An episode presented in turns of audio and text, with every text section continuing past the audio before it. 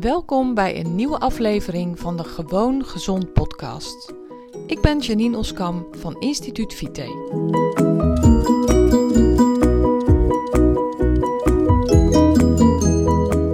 Hi, wat leuk dat je weer luistert naar deze aflevering van mijn podcast. Ik wil het deze keer hebben over anderen proberen te veranderen. Ik had een heel leuk gesprek van de week. Ja, nu hoor ik het mezelf zeggen, dan denk ik, ja, dat zeg ik altijd. Maar het is ook echt zo. Ik, heb, ik haal superveel inspiratie uit gesprekken met andere mensen. En dan denk ik, ja, dit, dit wil ik delen in mijn podcast. Dus ja, ik hoor het mezelf zeggen. Ik had laatst een heel leuk gesprek. Maar het is ook echt altijd zo. Dus sorry voor de herhaling. Maar ehm, ja, nee, eigenlijk geen sorry. Het is gewoon de waarheid. Ik had eens een gesprek en daarin hadden we het over jezelf, of nee, anderen willen veranderen. Ehm, heel veel van ons, en ik hoor daar zelf absoluut ook bij, willen andere mensen veranderen. En natuurlijk is het ook een deel mijn werk. Hè. Ik help mensen om te veranderen. Maar het is niet mijn taak om te willen dat iemand anders verandert zonder dat diegene dat zelf wil. Ik kan wel een gids zijn, mensen helpen, te veranderen en ze daar tips en adviezen in geven. Maar als andere mensen uh, helemaal niet het inzicht hebben dat ze willen veranderen of maar ik wil dat, ja, dan is dat fout. Dat is verkeerd. En daar ging ons gesprek deze week over. Dat we eigenlijk allemaal heel vaak deze fout maken. En dat het je enorm veel energie kost en dat je veel beter, veel beter in plaats daarvan jezelf kan veranderen. Of in ieder geval kan veranderen hoe je tegenover die ander staat. Dus ook jezelf veranderen. En wat bedoel ik daar nu precies mee? Um, nou ja, ik zit even te denken, hoe kan ik dat nou het allerbeste formuleren? Maar het is eenvoudigweg zo dat, stel jij vindt een eigenschap van uh, een, een iemand in je buurt, een collega, een vriend, vriendin, uh, buurman, buurvrouw of wat dan ook, of misschien zelfs wel iemand in je gezin, vind je een eigenschap nou niet zo beeldschoon. Hè? Dus um, je zou dat heel graag anders willen. Ja, dat kan. Maar als diegene geen last heeft van die eigenschap of uh, van een bepaalde houding of een bepaalde ja, gewoon hoe ze zijn. Als ze daar geen last van hebben en ze willen dat zelf niet veranderen, dan zal jou dat vaak ook niet lukken om het te veranderen. Tenzij het bijvoorbeeld je partner is of iemand die echt heel erg dicht bij je staat en je legt hem of haar heel goed uit waarom je graag zou willen dat iets verandert, dan zou het zo kunnen zijn dat iemand wel genegen is om het te veranderen. Maar heel vaak mensen uit je kring daarbuiten, um, gezinsleden, kinderen, vrienden, vriendinnen, buren, collega's, mensen op je sportclub. Ja, die denken eigenlijk van bemoei je er niet mee. Dat zeggen ze misschien niet zo bewust, maar jij zal dan ook niet echt. Vaak is het zo dat je iemand niet echt aanspreekt op dat gedrag, maar dat je via via hem of haar het inzicht wil laten krijgen dat ze dat anders zouden moeten doen. Nou, en vaak lukt dat helemaal niet. En je stopt daar energie in, je stopt daar energie in. En je probeert het langs alle kanten duidelijk te maken. En nou, je hebt soms ook nog kans dat je mensen juist tegen je in het harnas jaagt door dat te doen. Want op een gegeven moment denken ze, oh jee, daar heb je die zeikert weer met een verhaal. Of met zijn verhaal. Dus uh, ook daar moet je voor oppassen met jouw verpakte boodschap dat je iemand anders niet verveelt of misschien zelfs kwetst. En wat je veel beter kunt doen, is jezelf veranderen. Dus wat je heel veel beter kunt doen, is ervoor zorgen dat het jou niet irriteert. Of dat je gewoon accepteert dat diegene zo is. En dat je zijn of haar overtuiging helemaal niet moet willen veranderen. Tenzij natuurlijk, hè, want er zijn altijd uitzonderingen. Maar gewoon de hele normale dingen. Dus um, stel dat iemand, bijvoorbeeld je kind, heel erg smakt aan tafel, ja, natuurlijk mag je daar wat van zeggen, want dat hoort gewoon bij de opvoeding. Natuurlijk mag je dan zeggen, joh, eet met je mond dicht, want dat is niet netjes. Dat vinden wij in onze cultuurmaatschappij niet netjes. Doe je mond dicht en eet met je mond dicht. Dat is heel wat anders. Dat is opvoeden van je kind. Maar, ehm, en ook als een kind heel veel rommel maakt, natuurlijk. Daar ga je gewoon wat van zeggen en dan ga je voor zorgen dat ze dat anders doen. Maar bijvoorbeeld een, een vriend of vriendin die ehm, een bepaalde houding heeft.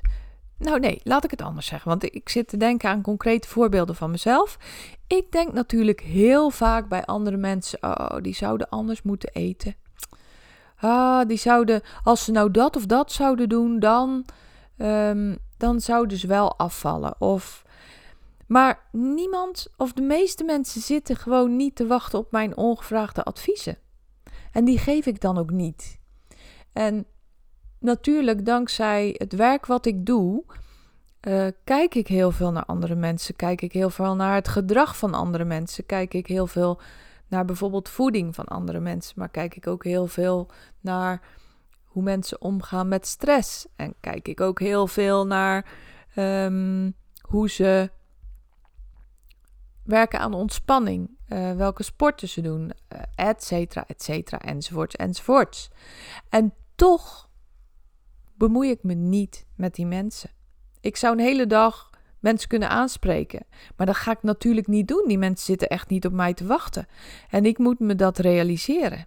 En ik moet dan dus die neiging onderdrukken. Al heb ik dat niet hoor. Dat, dat, het is niet dat ik dat nooit heb, maar meestal heb ik dat niet. Want dan zou ik een hele dag uh, bezig zijn met uh, die neiging te onderdrukken. Maar um, nee, ik, ik ga mensen daar niet in veranderen als zij dat zelf niet willen. En dat is ook zo met, ja, die collega van je die altijd op het allerlaatste moment binnenkomt rennen. Het is maar net hoe goed je contact met hem of haar is, maar meestal ga je daar natuurlijk niet bedweterig lopen doen. Je zal je er misschien aan irriteren, maar dan kan je beter die gewoonte veranderen. Want diegene heeft gewoon zijn eigen verantwoordelijkheid. En um, dat moet je naast je neerleggen. En kan je dus beter jezelf er niet meer aan irriteren dan dat je dat wel doet en dan met heel veel bedweterige praatjes hem of haar probeert te veranderen. Um, en ook, ja, bijvoorbeeld het, het vriendje van de dochter van een vriendin van je, uh, waar je eigenlijk uh, van denkt, nou jeetje, nou, die kan ze ook beter kwijt dan rijk zijn. Ja, ga je daar niet mee bemoeien alsjeblieft.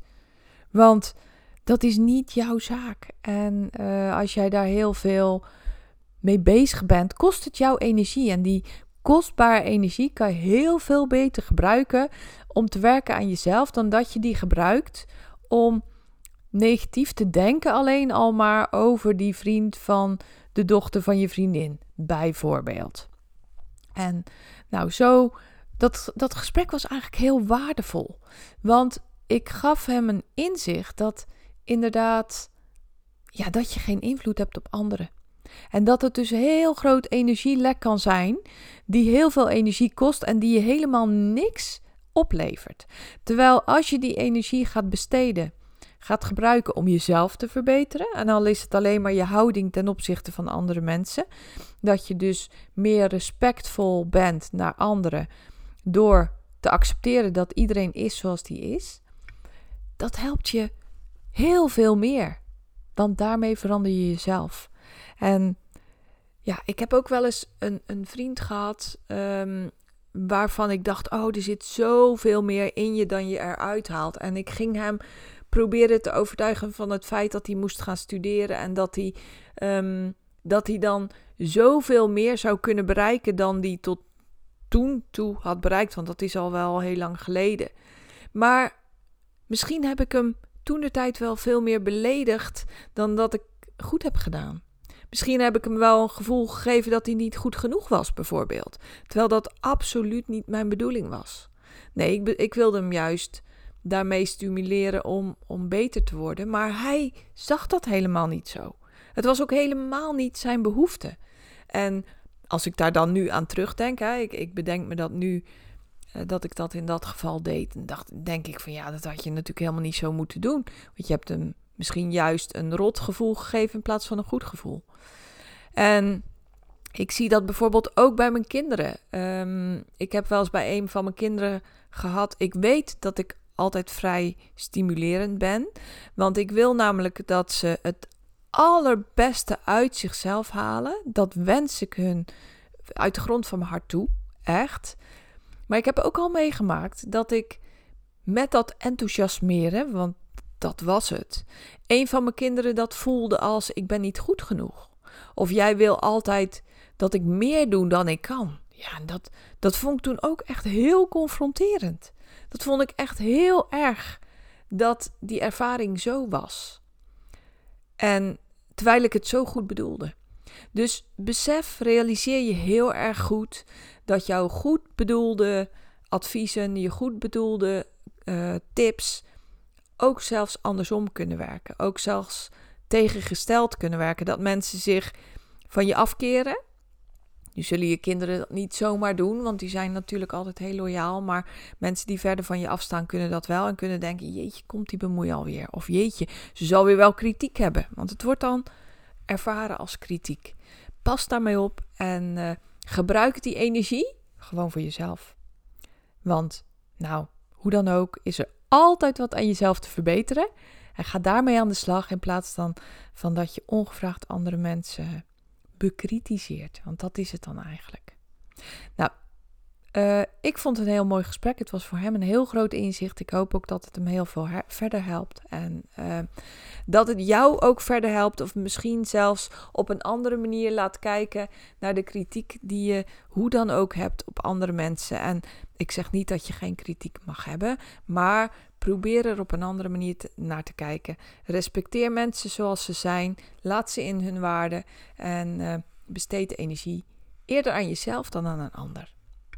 Nou, superleuk uh, dat je weer de moeite hebt genomen om te luisteren naar deze podcast. Ik hoop dat je er wat aan hebt gehad. En um, ik vind het ook altijd super leuk om een, uh, om een reactie te krijgen op mijn podcasts. Dus uh, stuur me even een privébericht, een mailtje of wat dan ook. Om het te laten weten wat je ervan vindt. En als je het waardevol vindt om mijn podcasts te luisteren. Dan is het altijd een goed idee om je te abonneren. Want dan krijg je zodra een nieuwe aflevering online staat. Even een berichtje dat die er weer is. En kan je weer luisteren. Heb je trouwens tips voor me waar, waar je graag een keer een podcast over zou willen horen? Dan, ook dan vind ik het leuk om dat te horen. Want uh, nou, dan weet ik ook welke onderwerpen jou boeien en uh, welke onderwerpen jou interesseren. Om een keer te horen wat ik daarvan vind en uh, om een keer een podcast over te beluisteren. Nogmaals bedankt. Graag tot de volgende keer.